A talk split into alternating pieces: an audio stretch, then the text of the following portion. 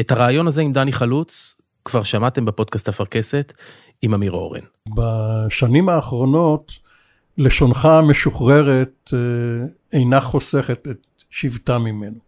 מה דעתך על מה שמתרחש בעידן נתניהו? העידן הזה יירשם בתולדות העם היהודי כאחת מתקופות משיחיות השקר הכי קשות. מבית אול אין, הבית של הפודקאסטים.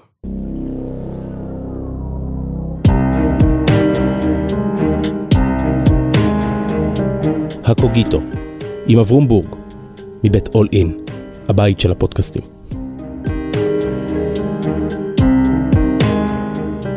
שלום, כאן אברום בורג. ברוכים השבים וברוכות הבאות לקוגיטו. ביחד אנחנו מנסים לבנות ולהקים את ספריית הטקסטים של הישראלים. והיום עם עדי סופר. שלום עדי. עדי סופר תהני, שלא יסתבך עם בעלי. עדי סופר תהני, לא, אני מקווה שהוא לא הבעלים שלך. אה, כן, הוא בן זוגי כבר. המילה האחרת היא איומה. כל המילים הן מופלצות, אבל בעלי זה מהדהד סחר בנשים. עתיק יומין, אז... אה, מסכימה, מסכימה. אז אה, שלא נסתבך. היום... שלא נסתבר עם החבר הכי טוב שלי. עם עדי סופר תהני, שלום עדי. שלום אברום. אני מחזר אחרייך הרבה זמן, ובסבלנות אה, גדולה, אבל בסוף, בסוף אנחנו פה. נכון. ואמרת, אני רוצה לדבר על סיפור של אייזיק אסימוב, שבהתחלה זה הפתיע אותי, וכאן אמרתי, מה, זה ברור שזה חייב להיות זה. אז למה אסימוב ואיזה סיפור? אה, וואו, קודם כל כיף לי להיות איתך. תודה רבה. ממש. וכן, אז, אז למה אסימוב? זה יושב אצלי על המון מקומות. אה, אחד, אה, אני חובב את הז'אנר של מדב ופנטזיה. זה לא אותו אחד. פנטזיה זה המצאות ממש, כן, ומדב חובבת, זה מבוסס משהו. נכון, חובבת כן. את שניהם. אה, ולפעמים יש overlap ביניהם ולפעמים לא, אבל חובבת את הז'אנר מגיל מאוד מאוד צעיר. אני חושבת שזה ככה, אה, אחרי הספרים שאתה חייב לקרוא בבית ספר, זה הספרות שנמשכתי אליה. אה, עד היום, כשאני נכנסת לחנות וקונה ספרים, בדרך כלל חושבים שאני קונה את זה בשביל בני הנוער אצלי בבית, ו... חלק גדול מהז'אנר הזה הוא ז'אנר שמכוון לבני נוער, לפחות, אה, אה, לפחות אה, בטעות, נגיד. אה, אבל, אה, אז, אז אחד, אחד כזה במלמעלה זה, אבל, אבל אסימוב היה הפעם הראשונה שנחשפתי לעולם של מדב, ו... אה, מחר כפול תשע, שזה הספר שבתוכו... זה קובץ. כן, קובץ כן. של סיפורים קצרים, שבתוכו נמצא הסיפור שרציתי לדבר עליו היום, וזה, וזה היה קשה לבחור, כי אני אוהבת הרבה מאוד מהספרים שלו, ובכלל אוהבת הרבה ספרי מדב. אבל הייתה סימוב, הכיר לי אבא שלי. אה, אה, אני כזה ממש זוכרת אותו, מנסה להסביר לי למה זו למה זה ספר ששווה לי לקרוא. ואבא עסק במה בחיים? אבא היה אדריכל. Hmm. אמ, היה אדריכל, ונגיד אדריכל, זה היה המקצוע שלו, אבל אני, אני חושבת שבסתר ליבו הוא היה ממציא או יזם, שאף פעם לא היה לו את הנסיבות חייו, לא הביאו אותו ל, להקים סטארט-אפ, אה, אולי, אולי כי זה היה החיים במדינה, ואולי דברים אחרים, אולי סיבות קיומיות, אבל... אבל הוא היה גם וגם, ו, ואני חושבת שהסיפור של, אה, הספרות של אסימוב ספציפית, הייתה המקום שבו הוא נחשף והתחבר ל, לעולם הזה של, אה, של, של science, של, של אה, חשיבה של כאילו איפה ה... איפה העתיד, איך העתיד יפגוש אותנו. בואי נשאר קצת עוד מלמעלה, בקצף של הדבר. אמ, פעם היה אריק איינשטיין או יורם גאון, אמ, קליף או, או אלוויס, אה, אסימוב או קלארק, נכון? אה, אה. זה צריך להחליט. כן, זה נכון. אז, אה, אז את בוחרת באסימוב לא, כי... לא, הם, הם, כן, אני חושבת ש... אני אגיד ככה שיש הרבה מאוד ספרים שליוו אותי, והסיפור של מדע ופנטזיה תמיד היה זה לצד זה. היה? עודנו? עודנו, ממש. Mm-hmm. זה תמיד יהיה גם וגם. אה, אני חושבת שכל אחד מהם מגיע ממקום אחר, אבל שהוא פשוט מאפשר לך גם להבין אה, אנשים וחיים במנותק מהריאליזם, ואז לעסוק בנושאים, אני חושבת שאסימוב בעיקר מתעסק בפילוסופיה, עוד אפילו יותר מאשר בטכנולוגיה. ומשהו במעטפת הזאת, שהיא לא ריאליסטית, מאפשר לגעת בנושאים עם הרבה חופש ועם הרבה עומק. אה, אז אסימוב- שר הטבעות ואסימוב ליוו, ליוו, את, אוקיי. את, ליוו את ילדותי. אסימוב הוא אה, מהגר מרוסיה, שמהגר לארצות הברית של אמריקה, לומד כימיה, ועוד לפני שנות ה-40, באמצע שנות ה-30 או לקראת סוף שנות ה-30, מפרסם בגיל מאוד צעיר אה, סיפור מדע בדיוני ראשון, ובעצם פותח כאן את הז'אנר האינסופי.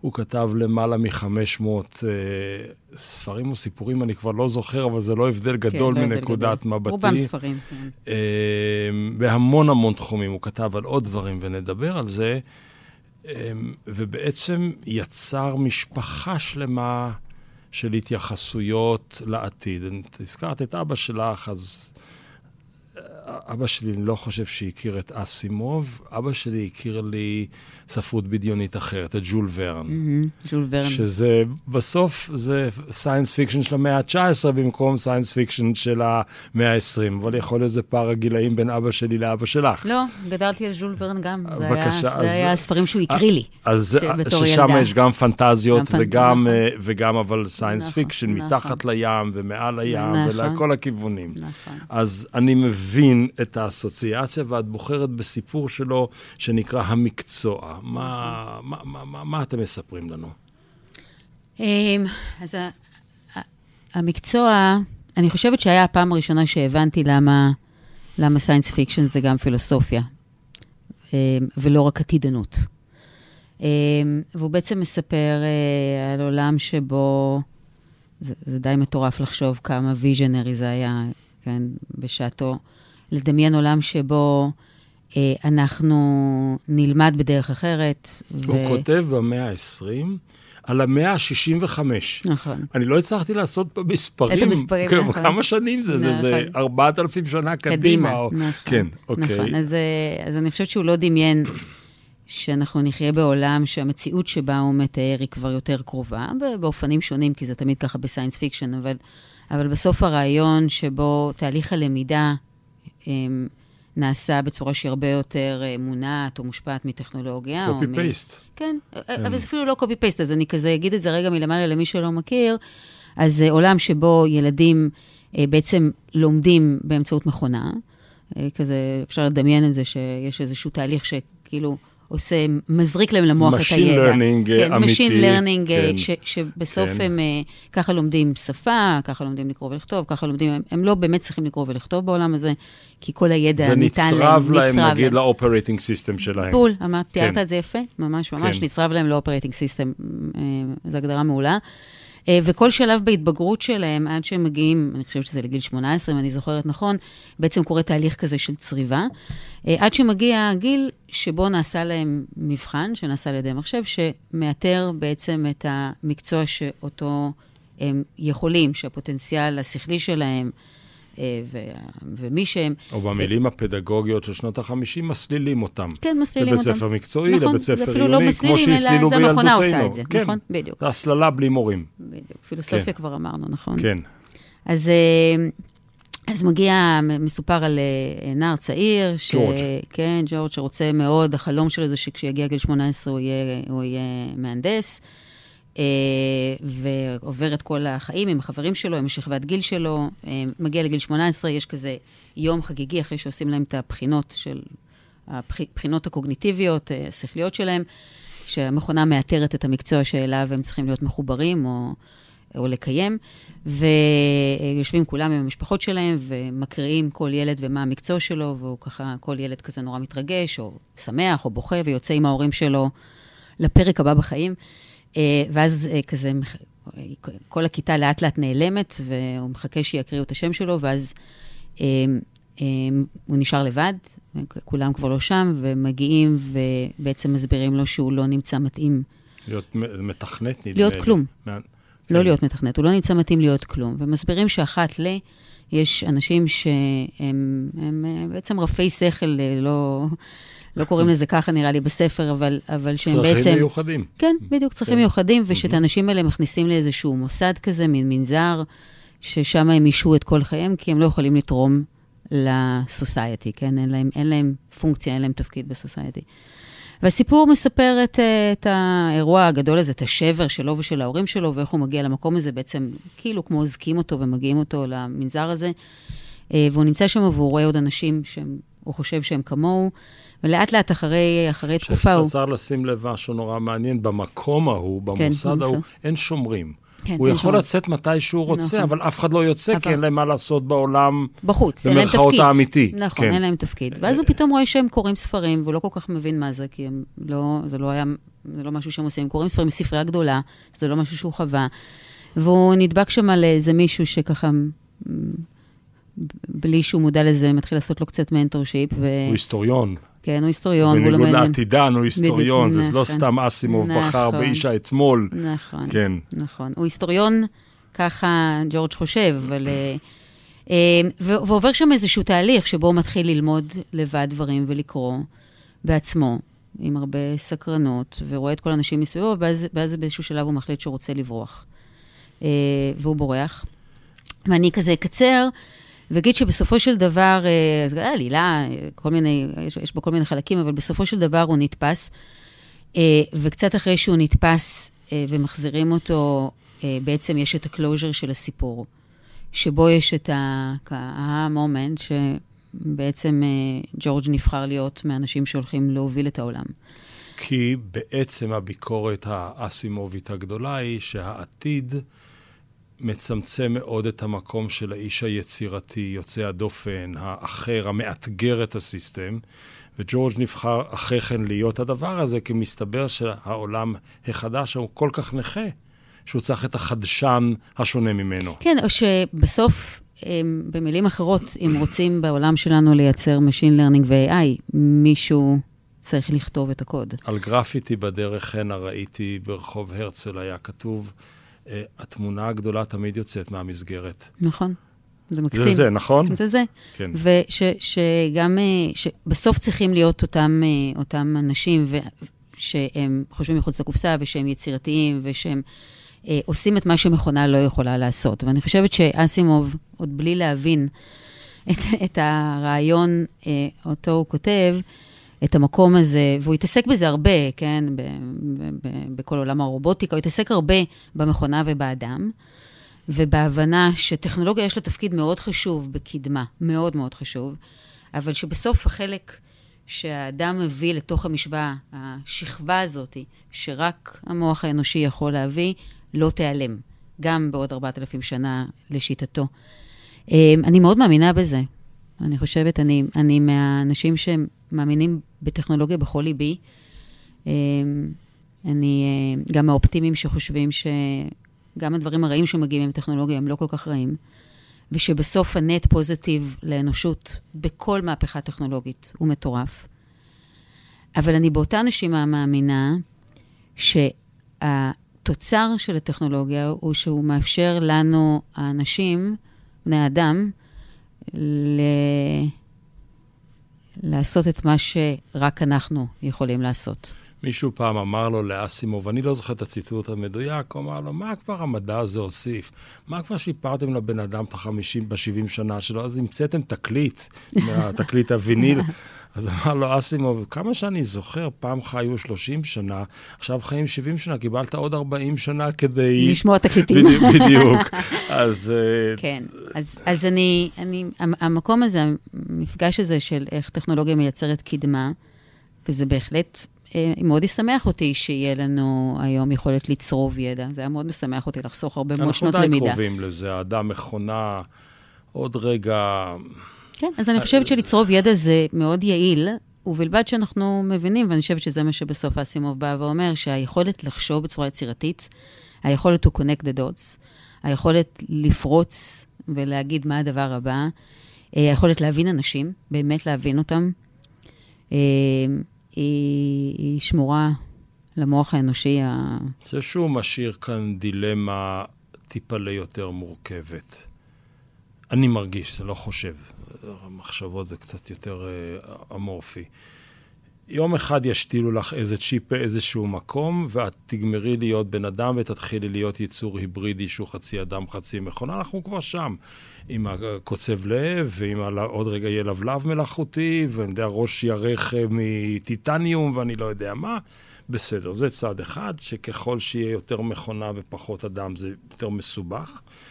ובצד השני, מכיוון שהוא איש עם אתיקה, הוא כמעט לאורך כל הדרך היה לו תמיד איזה ליין אתי מאוד מובהק. הוא למשל, כשהוא כותב את הנבואות שלו על העולם של 2014, על העולם של 2019, ביקשו ממנו תמיד לכתוב נבואות, אז הוא כל הזמן מתנבא והעיקר שלא תהיה מלחמת, תהיה שואה גרעינית בין ארצות הברית ל, לרוסיה, היום אני לא יודע איך הוא היה מתייחס לזה. והוא כותב משהו מדהים על החינוך, הוא כותב, וזה הצד השני שמשלים את הסיסטם שיתמוך באדם שאת רוצה אותו. Mm-hmm. בתי ספר ללא ספק עדיין יהיו קיימים, אני לא יודע באיזה עתיד הוא מדבר, אבל המורה יחשב טוב אם יעורר את הסקרנות של התלמידים שיעשירו את עצמם במסוף ובשקע המחשב שלו. בסופו של דבר תהיה הזדמנות לכל צעיר, ואכן לכל אדם, ללמוד, ללמוד מה שהוא רוצה ללמוד, בזמן שלו, במהירות שלו, בדרכו שלו, בדרך שלו. מטורף. מתי הוא כתב את זה, אתה יודע? אני לא יודע. זה, אני, זה בלתי נתפס, עשה, נכון? זה, מתי זה... ביקשתי ממך את הפגישה? פעם שנה, כמעט שנה. אני מאז אוסף, אוקיי? אני אוסף עד שאני אפגוש אותך ואני אזרוק עלייך את הכל. זה בלתי נתפס בעיניי, שהתובנה הזאת היא של מה... כמה הטכנולוגיה תשחרר, והמהפכה הזאת היא בתחום החינוך עוד לא קרתה, אנחנו עוד מחכים לה. היא קרתה בזעיר אנפין. היא מתחוללת, הטכנולוגיה היא רבולוציונית והחינוך הוא אבולוציוני, נכון. עד שהוא קאצ'-אפ. כן, ובסוף זה ייפגש, כן. כן, זה ייפגש מתישהו, זה בסוף זה ייפגש, כן. אבל המהפכה הזאת היא בתחום החינוך, שבה המורה לא רק מדקלם והילד לא רק לומד בעל פה, שבדיוק את זה צריבה יכולה לפתור לנו, נכון? Mm-hmm. אלא הוא מתעסק ב, בחשיבה ביקורתית וביצירתיות ובאינדיבידואליזם בצורת החשיבה. זה היכולת לדמיין עולם כזה, שבו תהיה, הוא מדבר על personalized learning, נכון? הוא מדבר כאן על דברים שהם הם, הם אולי היום מתחילים לקרות בצורה משמעותית, כן? עם, שבין השאר את ואני נלמד את אותו טקסט וכל אחד ילמד משהו אחר. כן. כן, וזאת תהיה אותה למידה, אבל ממש לא אותה תוצאה. נכון. כן. בואי נתחיל ללכת, בואי נתחיל ללכת קצת בעקבות, בעקבותיו. מעולה. את עובדת בחברה שלפני 15 שנים, היא הייתה, היא הייתה הלם מהעתיד. נכון. 15, אני לא יודע כמה, בסדר? אני מקווה שהיא עדיין הלם מהעתיד, אבל כן. בלי ההלם. כלומר, משהו כן, שעוסק בעולמות מאוד עתידיים נכון. כל הזמן. בתוך חברה כזאת שבסוף צריך לשלם משכורות, וצריך לפטר אנשים, וצריך לשכור אחרים, והביוב בדיוק התפוצץ בקומה שלוש, וחברת חשמל אמרה ש... נכון? זה נורא יומיומי, נורא בנאלי חלק מהדברים. איפה מקומו של עתידן בחברת כאן ועכשיו? תראה, אני חושבת ש... או בתוך כל עובד. כן, אז אני, אני חושבת ש... יש לנו, אחד, יש לי את המזל והזכות אה, גם לעבוד בחברה שמאוד מתעסקת בעתיד, ושכל דבר שהיא עושה בהווה הוא עם המשקפיים של של העתיד. משקפיים, מעניין. כן, כן, כן זה, זה ממש ככה, עוד לפני המשקפיים, לא, אפרופו המשקפיים, כן, המשקפיים של הים. אמרנו אבל... שלא מדברים על נכון. החברה, נכון, אבל, אבל אני חושבת שזה, נכון. כן. אז, אז אסוציאציה שהיא, אה, כן, היא אמיתית, כן. היא, היא לא רק מוצרית, אבל... אה, אבל גם לעבוד... היא artificial או virtual? היא גם וגם. היא רבודה. אנחנו יכולים דווקא לדבר על זה אחר כך. כן, היא רבודה. זה מעניין קצת על העתיד, אבל... כן. אבל המזל אולי עוד אפילו יותר גדול שיש לי, זה שאני עובדת אה, בישראל, מול התעשייה הישראלית, והמשימה, או אחת המשימות הכי גדולות שיש לנו כאן, היא לעבוד עם, ה, עם תעשיית הסטארט-אפים הישראלית.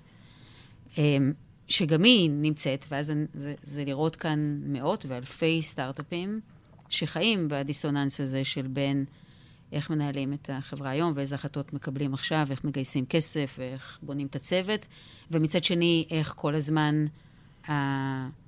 הכוכב הצפון של למה החברה הוקמה, ומה היא מנסה להשיג, ואיך היא מייצרת כל הזמן חדשנות, כזה מקיימת את האזור הזה שהיא אותו מנסה לשפר בצורה טובה יותר. כי זה מה שסטארט-אפים באים לעשות, זה לעשות איזשהו disruption למציאות קיימת. אמ, אה, אה, הוא חי, זה, זה כאילו חלק מהיום-יום שלי, זה הכאן ועכשיו ולאן הולכים. ואמיתית זה לא מאוד, אה, זה, זה מסתדר לי מאוד טוב ביחד, זה לא אתגר. יש הרבה אתגרים אחרים, אבל האתגר הזה של... אבל אני שואל עדיין, את מראיינת אותי לעבודה. אני, אני אלוף הארץ באלגוריתמים, אני גאון ב control alt delete. אין, אף אחד לא יותר טוב ממני ב restart של המחשב ולבעוט בו גם כן כשהוא לא עובד. ובא הקולגה שלי שהוא אותו דבר, אבל הוא גם קורא science fiction. תקבלי אותי או אותו לעבודה? זה, אני חושבת שזה, אה, הייתי שמחה לקבל את שניכם. אבל... אה, לא, אנחנו לא, עכשיו בעוד עניין של... כן. כל היום מקצצים הרי כן, בחיים. כן, לא, אז כן. אני חושבת שבסוף זה מגוון גדול, זה לא רק זה וזה. אין שום ספק שבתוך סביבות שהן סביבות אה, שמתעסקות בטכנולוגיה, וחיות בעולם שהוא גם מאוד דינמי ומאוד משתנה, אז אתה רוצה להביא אנשים שחלק מהאנשים צריכים להיות expert matter, כן? subject expert matter. מאה אחוז, הוא חייב, אבל, כן. אבל אתה רוצה כן להביא אנשים שהם מביאים vision לעשייה שלהם, גם איזשהו אומץ ותעוזה, וגם מהצד השני איך את התרגשות. את, איך את מוצאת את זה? את משוחחת עם מישהו, איך את יודעת אם אז... היא או הוא... מתאימים. לא, אם יש להם בדיוק את הנשמה היתרה הזאת של וואו. כן, אז זה, זה גם הנשמה היתרה וגם אה, איזה ש... אה, חלקים ביכולות שהם exceptional בהם. You don't need to be exceptional בהכל, נכון? אתה לא, לא צריכים להיות זה, אבל שיש משהו שהם מביאים שהוא brilliant אה, מצד אחד ביכולות, ומצד שני איזה drive והתרגשות תשוקה אה, ואומץ. אמ, אז אני יכולה להגיד לך, אני חושבת שאחד הדברים שלמדתי באמת, באמת יושב על ה... לבנות אה, מתודולוגיית גיוס שמאפשרת להציף את הדברים האלה בתהליך האיתור, כי אנחנו מחפשים top talent. ואנחנו לא מחפשים בהכרח top talent שכבר בא עם 20 שנות ניסיון, שאז זה קצת יותר קל, כי יש לך לא, מספיק... לא, לפעמים הילד בן 17 יותר חשוב מהמנכ"ל בן ה-70. בול, הרבה פעמים. כי הפירמידה התהפכה, בחיינו. אני ממש כן. מסכימה. כן. ואז אתה מחפש, אה, יש לך פחות סיגנלים, נכון? אז אתה... אז אחד הדברים המדהימים שקורים כאן זה שקודם כל, האנשים מגייסים את האנשים ולא המנהלים חבר מגייסים. חבר מביא חבר. זה כן. לא עניין של חבר מביא חבר. לא. חבר מביא חבר זה אה, בהחלט חשוב. לא, אני מדברת על זה שה... העובדים, הקולגות, מגייסים את הקולגות שלהם. לא מביאים אותם, אלא מגייסים אותם, בוחרים אותם. אז כל בן אדם שמגיע, והרבה מאוד מחברות הייטק עושות את זה, ובצדק, יש כאן איזושהי אמירה שהמנהל לא בהכרח ידע לזהות. המנהל זה עדי. לצורך העניין, אני או כל מנהל אחר. ואם צריך לפטר, גם החבר מפטר? זה לא, לא. אני חושבת שזה מערך שיקולים אחר, שבו אתה צריך okay. להיות אוקיי. מנהל. אבל אני חושבת שהמקום הזה של לדעת לזהות אנשים, כשאתה מביא אנשים שהם מאוד חזקים, הם ידעו הכי טוב לזהות את אותם אנשים חזקים שהם רוצים לעבוד איתם. אני אגיד לך למה אני מחייך. יש לנו הרבה ילדים בבית, יש לנו הרבה ילדים, והם נפלאים וכולי. אחת מהם היא גם אותרה כגאון, היא נהדרת. וכשהייתה קטנה היא אמרה, כשאני אהיה גדולה אני רוצה לשנות את העולם. והיא הבינה פיזיקות, מעולם לא יכולתי לעזור לה בשיעורי בית. זה, תבואי בספרות, עגנון אני עוד מבין, יותר מזה זה כבר גדול עליי. ואחרי שהיא רצתה לשנות את כל העולם, היא ציירת מוכשרת בצורה בלתי רגילה, כי היה לה, והיא ציירת, זו הקריירה שלה, היא עשתה בדיוק את המהלך ההפוך לגמרי לכל המוסכמה, והגיעה למקום הכי נכון בעולם. ואני אומר, וואו, יש, שם יש את מה שאת קוראת לו, את האומץ. כן. To follow את ה brilliancy שלך. כן, כן את המקום שהוא אחר לגמרי גם... ממה שהחברה הגדירה לה. נכון. אז אני אגיד לך שזאת עוד סיבה שבחרתי את הספר הזה, כי זה לא הייתה, נתת לי משימה לא פשוטה. אז אמרנו, אחד זה שאני אוהבת science fiction, אמ, אולי אחד זה כי זה ה... אחד זה כי זה אבא שלי, ואחר כך כי כתוצאה מההמלצה הזאת גיליתי את האהבה הגדולה לתחום. אמ, אבל כי אני חושבת שיש גם משהו בספר הזה שהוא בדיוק יושב על מה שאתה מדבר עליו, ושאני מאמינה בו בכל ליבי. אה, אני מנהלת כבר הרבה מאוד שנים. בעצם זה, זה כמעט הדבר הראשון שעשיתי, זה לנהל חברה בגיל 26, ומאז אני מנהלת חברות, ובעיקר מנהלת אנשים יותר מכל דבר אחר. ואחד הדברים שככה לאורך המסע הזה, זה, זה בשבילי לנהל צוותים ולנהל אנשים, זה המקבילה לציור. אבל גם התובנה שבסוף המקום הזה שבו אנשים מוצאים את האזור שהם, או תחומי הדעת שהם ממש חזקים בהם, ותכף נדבר על מה זה אומר להיות חזק במשהו, כי גם זה הגדרה, מה זה, מה זה חזק. ואז משקיעים את, את, ה, את, את החיים שלהם, את הקריירה שלהם, את הקריירה המקצועית, את הקריירה האקדמית, לא משנה, הם, בלמנף את החוזקה הזאת ולשפר אותה כל הזמן. והרבה פחות בדברים אחרים. זה האזור שבו, מבחינתי, המקצוע של אסימוב, זה האזור שהוא מדבר עליו. אז את לא מוציאה בעצם אנשים מוגבלים ללייזר בים של היכולות שלהם, והם לא אנשים רנסנסים עם תחומי ידע יותר גדולים, שהפירמידה יותר אה, אה, מבוססת? כן, אני שמה בצד תחומי ידע, כי אני חושבת שיש אנשים שהם אה, יותר סקרנים במגוון תחומים, ויש אנשים שהם יותר סקרנים בפחות תחומים. זה עניין אינדיבידואלי, אני אפילו לא מדברת על זה. אני מדברת על ה... על ה... על. אותם שרירים או כישרונות שיש לנו, שאנחנו פשוט ממש טובים בהם. ורגע, אולי נדבר על הסיפור הזה של כאילו, מה זה להיות חזק במשהו, ש... זה היה מסע לגלות את זה, ואז אה, מישהי שאנחנו עובדים איתה, שעזרה לי לחדד את זה בצורה מאוד טובה, ושאני חושבת שבסוף יש לנו הרבה מאוד אזורים שאנחנו אה, מאוד טובים בהם, אבל לא בהכרח אוהבים. ויש לנו הרבה מאוד אזורים שאנחנו מאוד אוהבים, אבל לא בהכרח טובים בהם. ושחוזקה זה בסוף ה overlap הזה. זה נקודת האיזון. נקודת ה overlap בין שני העיגולים האלה, של יפה. תחומים שאנחנו גם מאוד טובים בהם, ושאנחנו גם מאוד אוהבים. זה החיבור בין יכולת לפאשן, נכון? וכשאנחנו מוצאים את האזור הזה, אמ, יש מנעד גדול מאוד של דברים שאנחנו יכולים לעשות איתו. ככל שאנחנו יודעים להפעיל את השריר הזה, שאיתו אנחנו מנצחים. אנחנו קצת גדלים כילדים מגיל מאוד צעיר, ואחר כך גם בתוך סביבת עבודה עם מנהלים, או עם מנטורים, או עם מורים, שמסבירים לנו שאנחנו צריכים לזהות את האזורים שאנחנו פחות טובים בהם ולתקן אותם, כדי לייצר גרף שיפור. בלי להבין שבעצם גרף השיפור הכי משמעותי שאנחנו יכולים לעשות, זה לזהות את הדברים שאנחנו טובים בהם ולשכלל אותם, ולעשות אותם חזקים שבעתיים.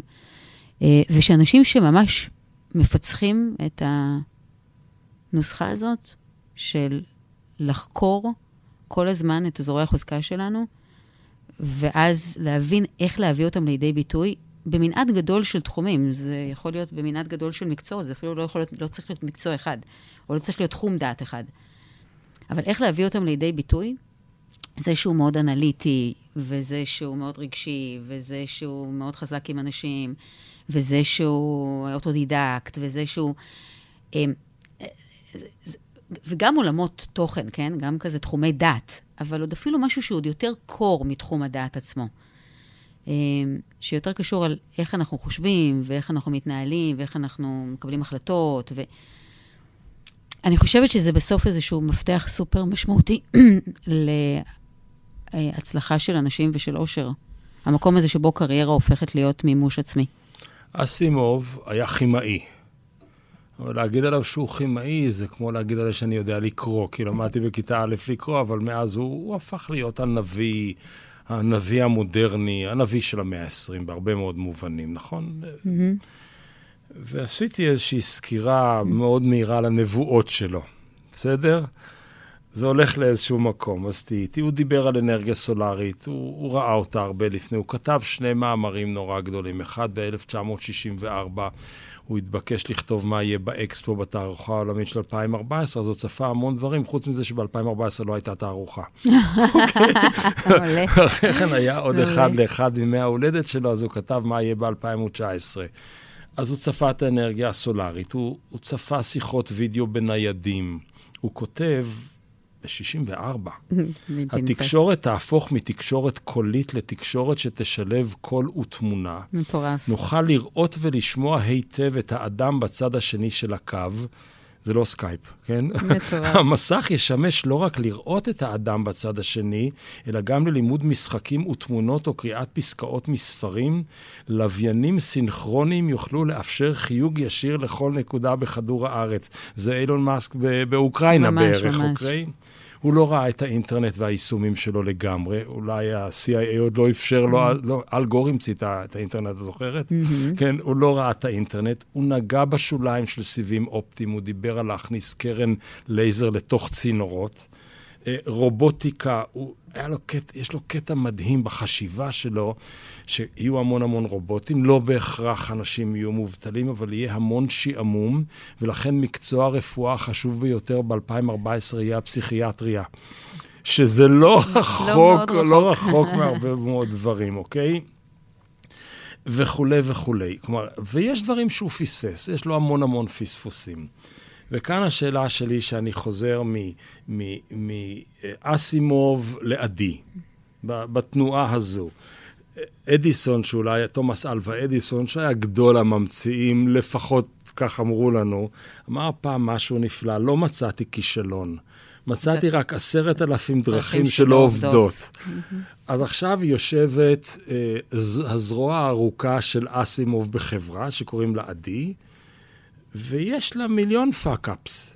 זה לא עבד, וברבעון הקודם הלכתי להשקעה הזאת ולא להשקעה ההיא, והלכתי לסטארט-אפ השני ולא לראשון, ולמה הלכתי לרחובות ולא לנס ציונה? מה עושים עם מה שלא עבד?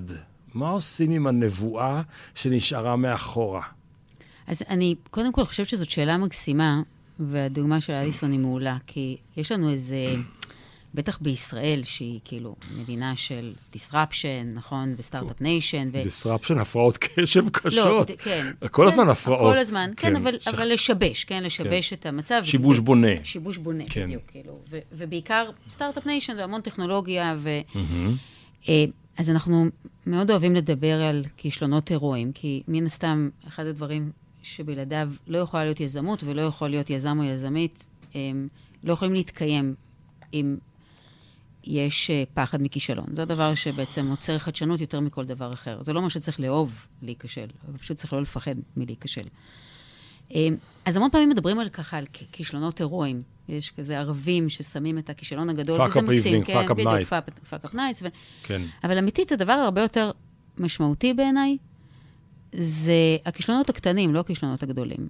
זה שבגדול, בסביבה, בסביבת עבודה שהיא מאתגרת ומפתחת וזזה מספיק מהר קדימה, אתה צריך להיכשל כל יום וכמה פעמים ביום, לא... ואני חושבת שתהליך האיטרציה, זה ברור שכשיש כישלון גדול אתה צריך לנת... לעצור רגע ולנתח אותו ולהבין מה למדת ממנו. מה פספסתי. מה פספסתי. אבל תהליך האיטרציה הרבה יותר מעניין, זה לזרוק מספיק כדורים לאוויר, ולזהות את אלה שנראים כדורים מעניינים ולהמר עליהם. ולא לפחד מזה שהמון כדורים אחרים ייפלו, בלי דרמה. כאילו, הסיפור, not to over dramatize it, ולא להגיד, זה נפל וזה לא עובד. חורבן הבית. כן, זה כאילו, זה להגיד, זה כמעט הסיסטם. מה בעצם אדיסון בא ואומר? זאת השיטה. זה לא שאני, זה נכשל וזה הצליח. זה שבתהליך של ההצלחה היה צריך לעבור המון איטרציות. המון אלימינציות המון עד שהגעתי. לזאת שעובדת. ולכן זה לא כישלון, זה פשוט הפרוסס. אז, אז אני- אסיר תודה, כי תיארת לי את מרבית חיי. זאת אני אומרת, אני. עוד ב-9,999 כישלונות, עוד לא הגעתי להצלחה היחידה, אבל היא תגיע, את אומרת. השאלה שלי הייתה מעט אחרת. בחברות שאני עובד איתן או בהן, או כדירקטור, או כב... אז אני שואל, תגיד לי מה היה בשנה שעברה או ברבעון הקודם שהיום היית עושה אחרת? אז הוא אומר, הייתי הולך להשקעה הזו ולא להשקעה הזו. והדיון ב missed opportunities, אני מוצא אותו שהמון אנשים בחברות שעובדות וזזות קדימה, הם לא רוצים לחזור אחורה ל missed opportunity. הם מפחדים מאיזו היסטוריה, ולכן מפספסים איזה עתיד. אמ, אני אולי אאתגר אותך ואגיד שאני חושבת שאנשים חכמים לא מפספסים אותה. אז אני לא חכם, אוקיי, לא, הלאה. אה, אלא שלא בטוח שצריך לחפור. לחפור בה. בסדר? עכשיו, לפעמים כן, כי לפעמים הלמה זה נכשל לא מספיק ברור. אבל הקצב שבו כדורים צריכים, ולזה התכוונתי קודם, הקצב הזה של testing, של רעיונות, הוא צריך להיות כל כך מהיר ומספיק נועז, שתהליך ה iterative של החשיבה, ושוב, אני חד משמעית חושבת שלעצור לפעמים ולהגיד, רגע, בוא נבין מה לא עבד כאן. צריך לקרות. ניתן שאלה קיצונית ואז נעזוב את זה. עכשיו אני סתם בסקרנות החופרת שלי. נוקיה פספסו את הטלפון, את האייפון. אין, לא יעזור כלום, הם היו שם לפני כולם, הם היו נפלאים עם דיזיינים יוצאים מגדר רגיל, ויום אחד פג תוקף. כן, אז אני לא חושבת שזה בגלל שלא עצרו לעשות שיחה ארוכה של למה דברים לא עובדים. אני חושבת שזה בגלל תרבות ארגונית, שבה אה, חבר'ה חכמים, הרבה פעמים צעירים, לא היה להם את הבמה להרים את היד ולהגיד בולשיט. ובארגון... זה, זה תרבות הלא. זה, זה תרבות ה... ה... ה... זה התרבות, אותה התרבות של פירמידה הפוכה. ב... במקום שבו ה... השטח, נקרא לזה, אני לא יודעת איך לקרוא לזה, החבר'ה הצעירים, החבר'ה שרק הצטרפו אתמול, החבר'ה שלא בהכרח נמצאים בכיסא מקבל ההחלטות, בכיסא המנכ"ל. אין אבל להם את ה... הפעולה שלהם היא פעולה של החלטות.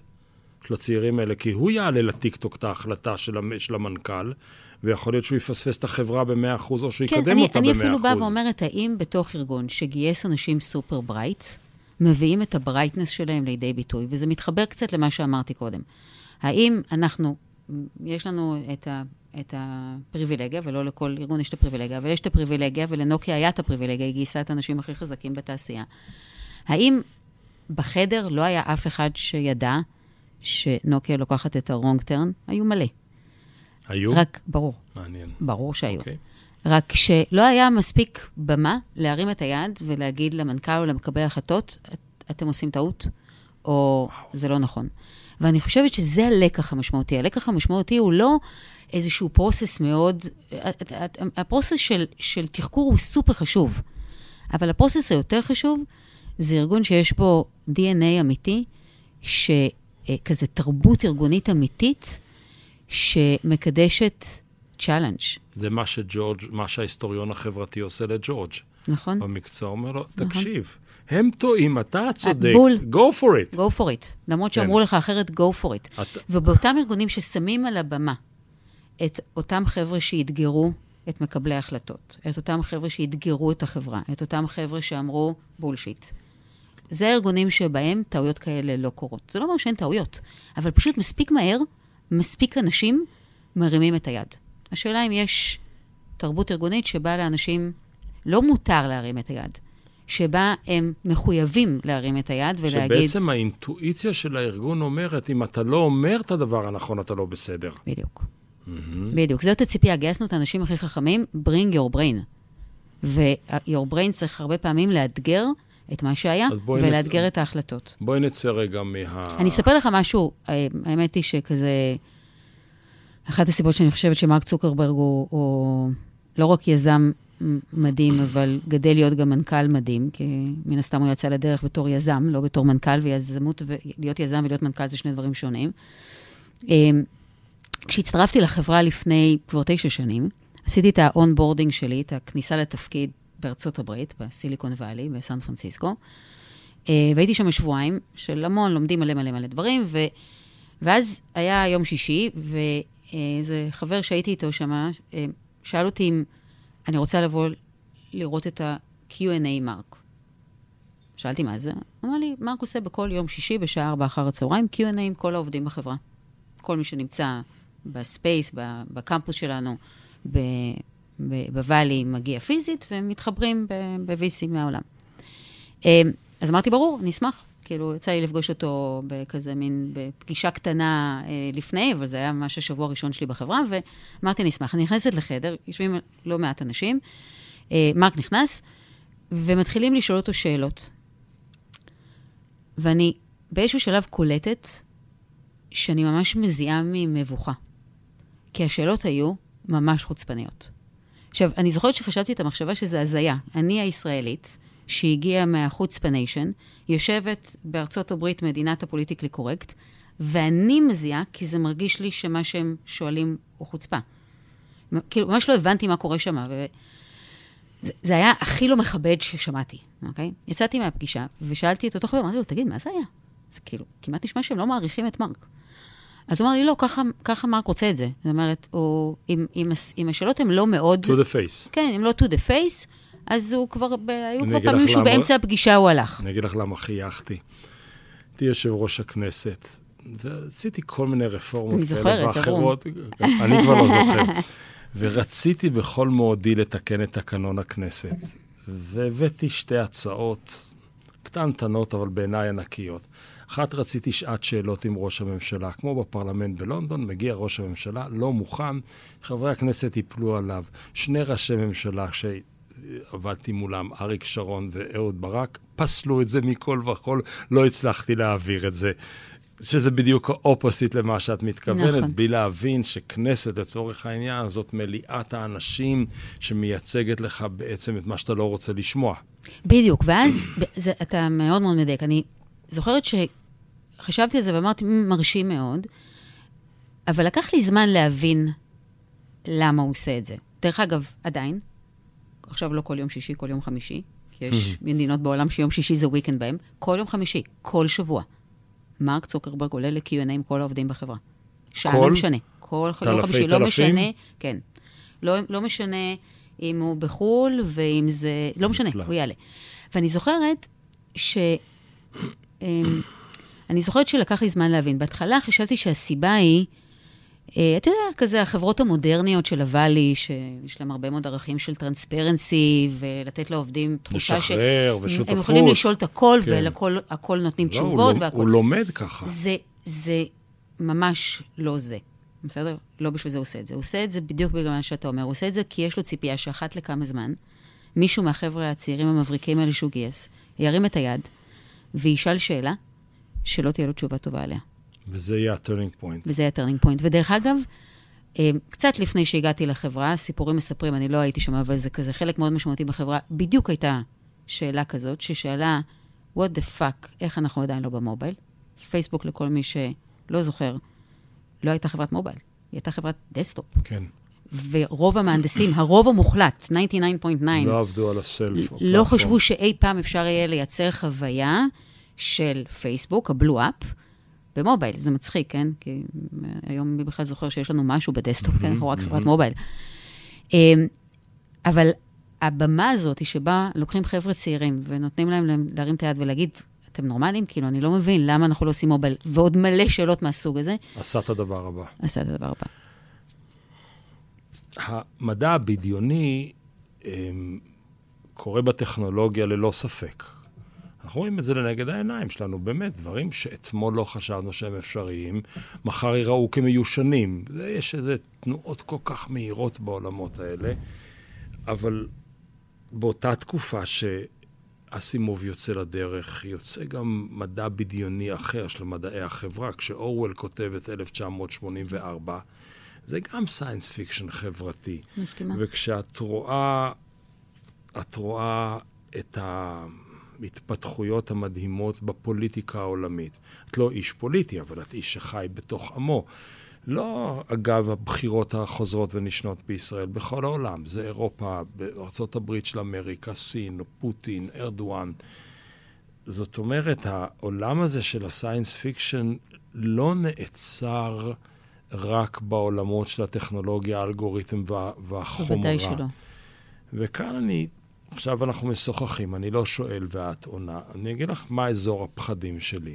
כשדרווין נסע לגלפגוס וגילה צווים נורא גדולים, ואמר, אה, העולם לא נברא, אלא העולם מתפתח באבולוציה, זו תיאוריה מדעית חזקה ששירשה את כל מה שהיה לפניו. כשבאו אחריו והפכו את ה... דרוויניזם לדרוויניזם חברתי, נולדו עיוותים איומים שבסוף הסתיימו בהשמדות. ואני שואל את עצמי, האם המהירות העצומה של המדע והמדע הבדיוני, כשהם מחלחלים לתוך העולמות האנושיים נטו, לא עולמות החומרה, אלא עולמות ה-group ware, האם אין שם סכנות איומות ונוראות? זה לא מפחיד? אמ, אז אמרנו כבר שאני בולי של טכנולוגיה. אז לכן אני מבקש, וגם אל מאוד תלכי אופטימית. למקום הנוח שלך, לכי רגע כן, אז אני, אני מבינה... לאדם שאחרי שעות העבודה, של הילדות שלך, של הבנות שלך. כן, אז אני בגדול, אמ, ויש שיגידו שאולי בצורה נאיבית, כן? אני בגדול מאז ומעולם חושבת ש... אמ, הטכנולוגיה יצרה קדמה. כל מהפכה טכנולוגית יצרה מה- קדמה. מה- הסכמנו. אני חושבת שה... הגלגל, הגלגל והדפוס והאש הכל, קידמו אני אותנו. חושבת שהכל. כן. ואני חושבת ש...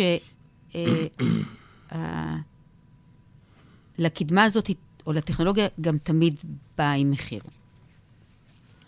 ושבסוף, במבחן הזה של בו הטכנולוגיה פוגשת אותנו, את האנושות, את בני האדם, היכולת לוודא שאנחנו חיים בעולם של נט פוזיטיב, שסך כל הפעולה שלנו היא חיובית ולא חיובית. שלילית. כן, היא, היא לא 100% חיובית, כי אין דבר שהוא 100% חיובי. זה הנט. זה, כן? זה, זה נט פוזיטיב. סכימת כל הדרך, הדברים. הדרך כן. הטובה, הדוגמה הכי טובה לחשוב עליה היא מהפכת התחבורה. אז אנחנו לא יכולים לדמיין את עצמנו זזים ממקום למקום על סוסים. הדבר הזה הביא קדמה בלתי נתפסת לאנושות, שוויון, קדמה, פרוספריטי מ- מלא. אה, אבל גם, גם יש המון תאונות דרכים ואנשים מתים. אה, אז אני לא חושבת שמישהו מאיתנו אומר שצריך עכשיו לקחת לכולנו את הרכבים. אבל איך מגדילים את הנט פוזיטיב? זה לכולם ברור שיש נט פוזיטיב, לכולם ברור שהטכנולוגיה גם באה עם מחיר, היא באה עם הרבה ערך, ועכשיו השאלה היא, איך אנחנו כבני אדם מתעסקים בלהגדיל את הנט פוזיטיב. ויש הרבה מאוד צירים שבהם אנחנו עושים את זה בכל מהפכה טכנולוגית. תסתכל על כל מהפכה טכנולוגית, שככה פורצת לחיינו, ובהתחלה היא יחסית קטנה, ואחר כך היא הופכת להיות יותר משמעותית, ככל שהטכנולוגיה נהיית יותר נגישה. ואז יש יותר חדות על הערך שהיא מביאה, ועל המחיר שבא עם הערך הזה, או שבא עם הטכנולוגיה. ויחד עם החדות הזאת, יחד עם, ה, עם ה, כזה הסימונים שיורדים, הם, גם מתחיל להתבהר המשימה של איך מגדילים את הנט פוזיטיב. והיא בדרך כלל מגיעה משלושה אזורים, אה, משלוש דיסציפלינות. אחת שקשורה בחינוך, ואיך אנחנו, ואתה צודק, שככל שהקצב הוא יותר מהיר, אז גם הקצב שבו אנחנו צריכים לחנך לטכנולוגיה הוא יותר מהיר. אבל אחת קשורה בחינוך, והאופן שבו אנחנו מבינים את היכולות של הטכנולוגיה על הטוב והרע, על המשמעותי והחיובי ועל השלילי, ולומדים להשתמש בה בצורה זהירה, כמו שלמדנו, להשתמש באש בצורה זהירה. אמ, החלק השני הוא מה שקשור למדיניות ורגולציה, והיא מאוד חשובה במשימה הזאת. לקובעי המדיניות יש חלק מאוד משמעותי בלהגדיל את הנט פוזיטיב, ובלבד שהם יבינו את הטכנולוגיה ואת הקדמה ולא יעצרו אותה. וזה התפקיד של ה... התפקיד המשמעותי של המחוקק, שהרבה פעמים מצליח בו והרבה פעמים נכשל בו. והחלק השלישי, ואולי הכי חשוב בסוף, זה טכנולוגיה. ואת חלק גדול מהמחיר שטכנולוגיה מביאה, טכנולוגיה פותרת. אז אם נחשוב רגע על הדוגמה של תאונות דרכים, והמהפכה, מהפכות התחבורה... הקורונה. עוד אפילו רגע לפני הקורונה, אתה צודק, הקורונה זו דוגמה מעולה, אבל, אבל הדבר הכי משמעותי שיוריד תאונות דרכים, אחרי שעשינו education וכולנו יודעים לנהוג בזהירות ומחנכים אותנו, ואחרי שהרגולציה יצרה את כל, ה, את כל החוקים שמגנים עלינו, הדבר הכי משמעותי בסוף היום, שיקטין את המחיר של, אה, של תאונות הדרכים, או של הטכנולוגיה שנקראת תחבורה, זה טכנולוגיה, וזה, וזה עולם של AI, נכון? ומובילאיי, זה, זה כאילו... בינה איננו- מלאכותית. בינה מלאכותית, איננו נשואות ל... ל רגע, למה אנחנו מדברים על, על נהיגה אוטונומית? לא בגלל שאנחנו מתעצלים לנהוג, אולי, אבל בעיקר בגלל ההבטחה. Speak שתהיה- for yourself, אני מתעצל גם לנהוג. מתעצלים, אבל, אבל שתהיה נהיגה בטוחה יותר, אבל גם עד שאנחנו נגיע, אנחנו כל הזמן המערכות בטיחות, שהן מערכות טכנולוגיות, המערכות התראה, שהן מערכות טכנולוגיות, משפרות את הבטיחות של הרכב. זו דוגמה לך. טובה, ואני חושבת שהיא קורית בכל מקום, וקורונה זו עוד, עוד דוגמה מצוינת כזאת. אני אגיד לך איפה אני רואה את ה blind spot שלך. עכשיו אני מתווכח, עכשיו אני לא... עכשיו אני אברום. אני רוב הזמן אני אברום, גם כשאני מקשיב, אחרת, אה, אחרת לא הייתי מי שאני. אני גם מקשיב וגם מביע דעות, אבל אני אגיד לך איפה אני רואה בליינד ספוט. אנחנו הולכים לבחירות. כמו במדינה נורמלית, פעם בארבע שנים הולכים לבחירות, במדינה לא נורמלית ארבע פעמים בשנה, אבל ארבע ואחד תמיד עובד, אוקיי? או חמש ואחד. אנחנו הולכים לבחירות.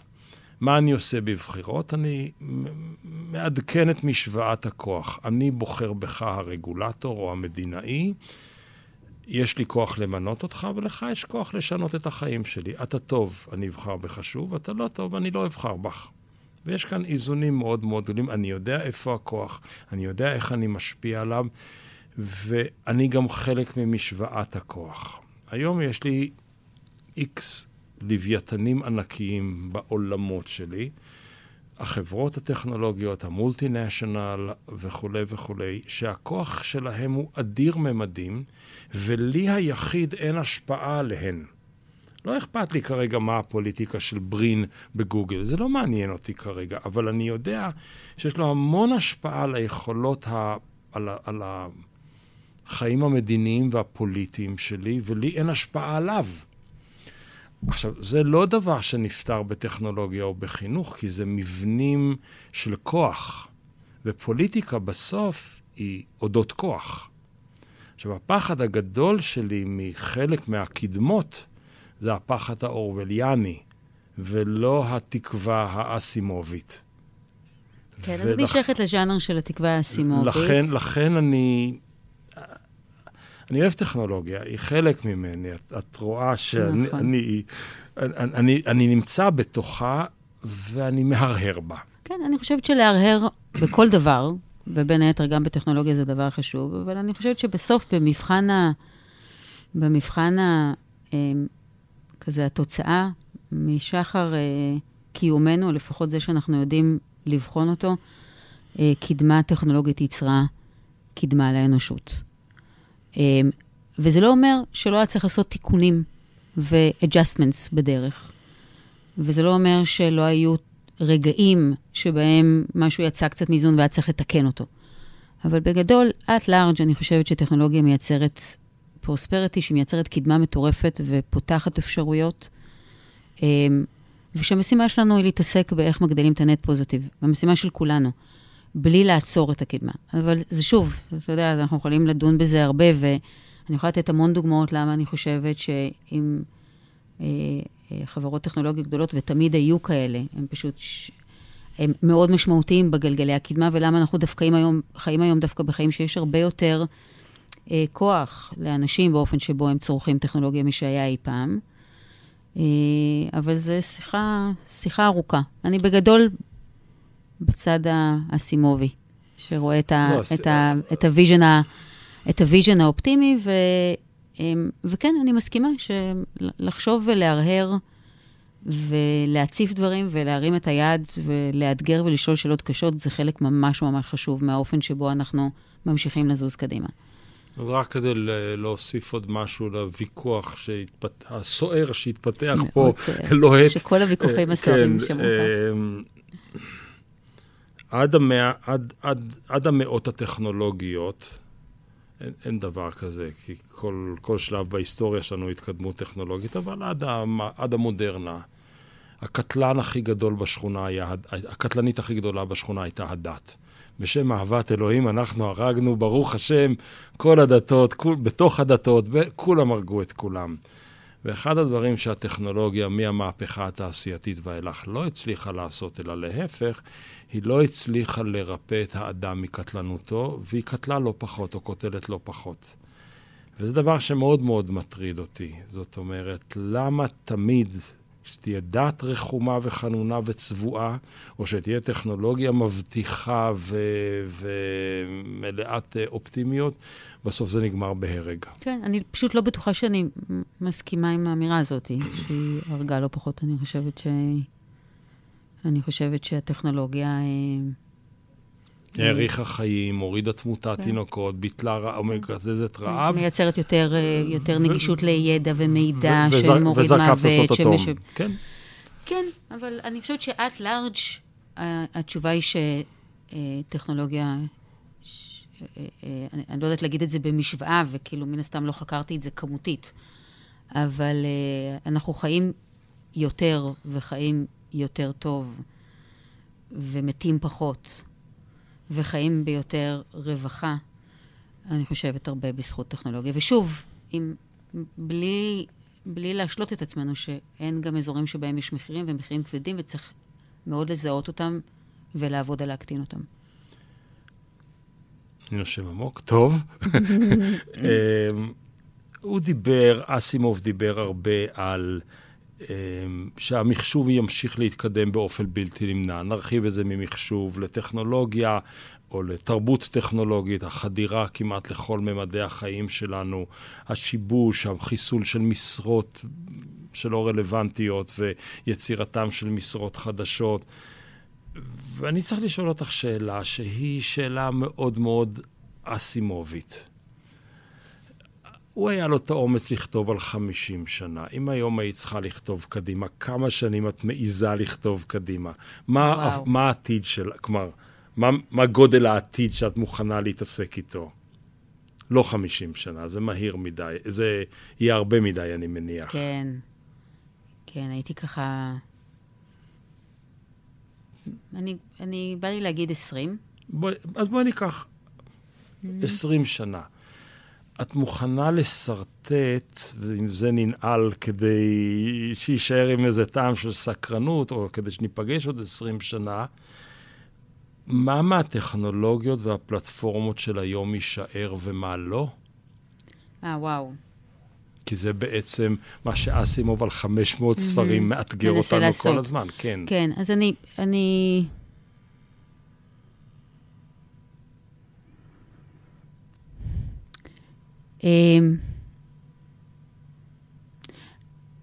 אני, אני לא, קטונתי, אני לא עתידנית, אז קטונתי להגיד מה יישאר ומה לא. אני חושבת שאחד הדברים שהעידן המודרני ומהפכת המידע ומהפכת האינטרנט הביאו לחיים שלנו היום, ואנחנו רק בהתחלה של התמורות שהמהפכה הזאת יכולה לייצר, זה היכולת שלנו,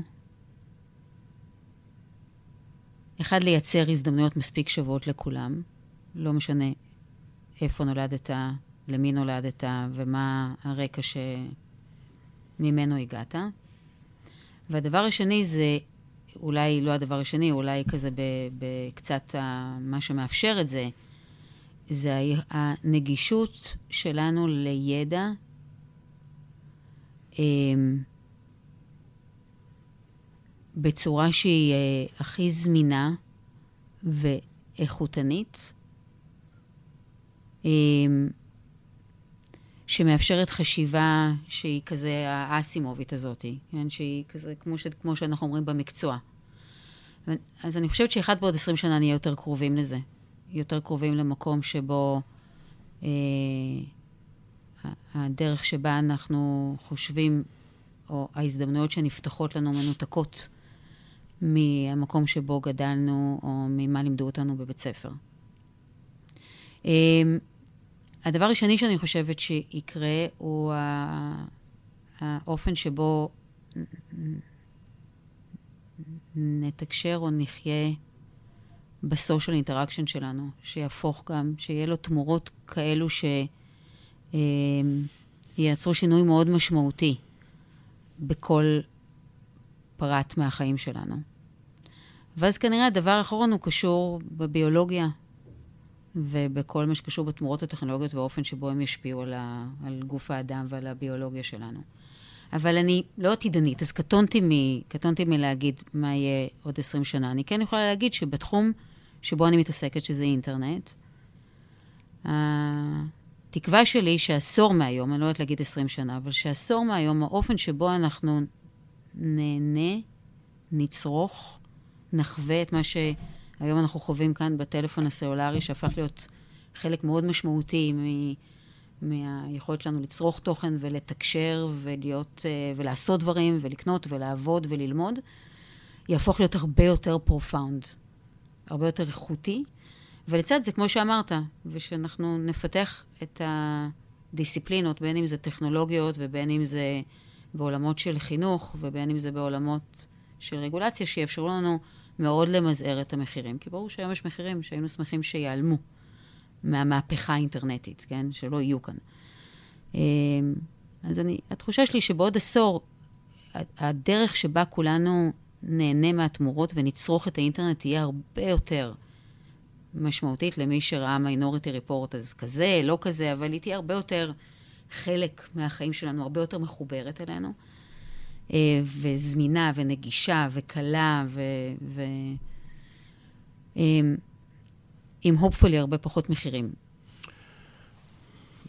זה נפלא, שאלתי אותך מה ייעלם ודיברת איתי על מה יישאר. נכון. אוקיי, בסדר. מה ייעלם? וואו. לא, לא, לא, בסדר, תישארי שם. אני. אגיד לך מה אני חושב באופן מחויך יקרה, ומה נורא הייתי רוצה שתעשו. אנחנו ספציפית, מתה. אתם כן. אה, עמלי אה, עבדי הטכנולוגיה, האנשים שעובדים במכרות הטכנולוגיה.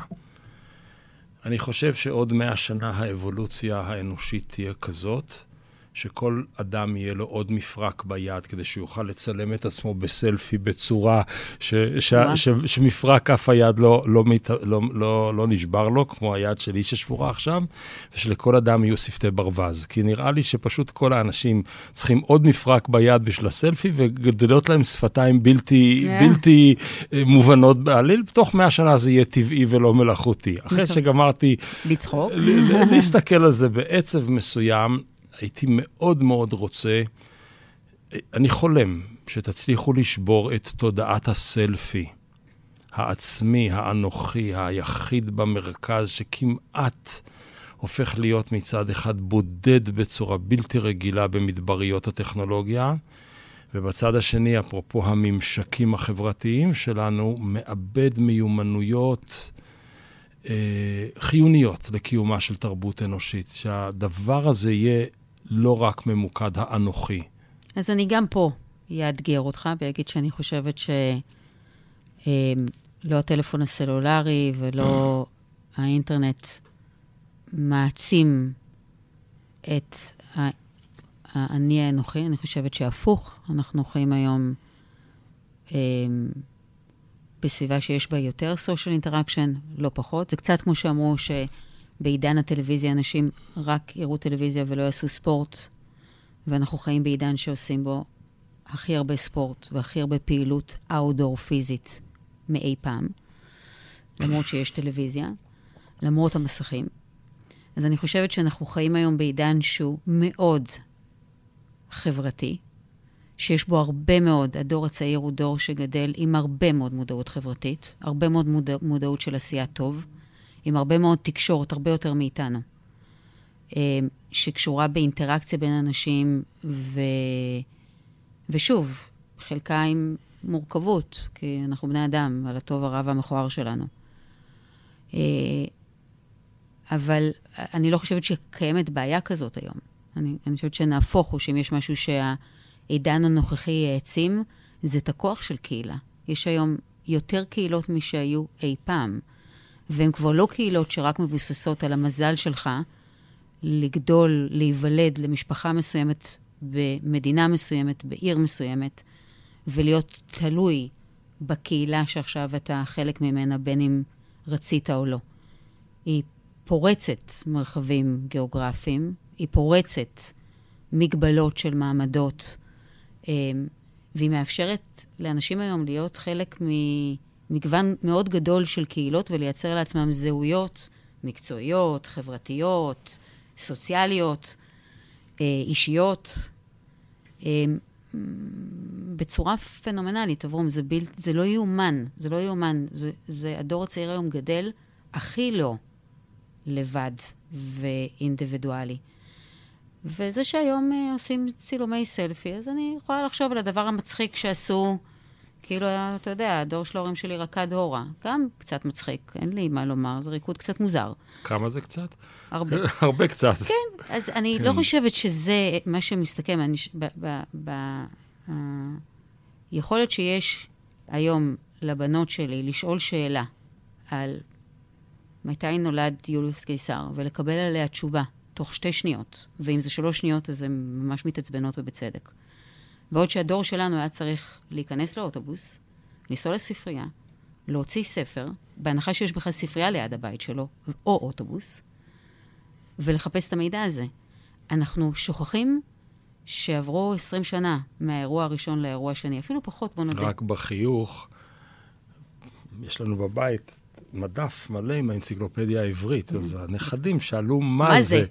אז אחד הילדים אמר להם, זה אינטרנט של שבת. בדיוק. כי פעם לא היו אה, גולשים בבית בשבת. כן. בדיוק. אז אה, אה, אנחנו נמצאים היום בעיניי בקדמה מטורפת ששמה בן אדם בתוך סביבה חברתית מגוונת מאוד ומאוד מנותקת ממגבלות, מאותו סולם שפעם מאוד הגביל, שמאוד היה קשה לצעוד אה, או לטפס עליו. אה, ולילד באפריקה יש היום גישה לדברים לא מאוד שונים מלבנות שלי ומלילדים שלך, וזה מטורף בעיניי, וזה עוד לא מספיק.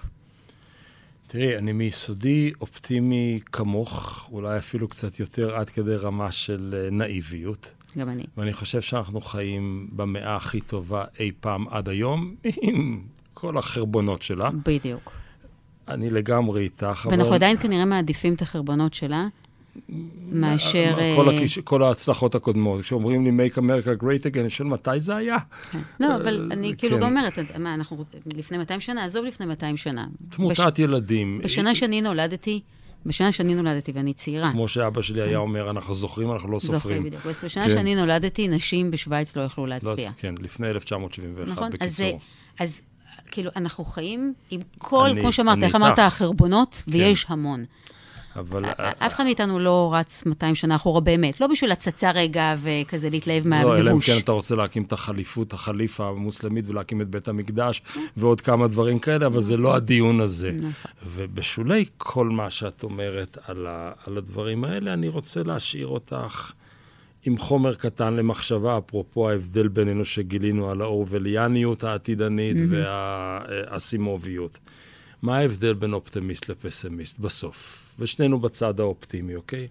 הפסימיסט כל חייו מבואס, הכל רע, הכל חרא, שום דבר לא עובד. ביום האחרון לחייו הוא יסתבר לו שהוא טועה.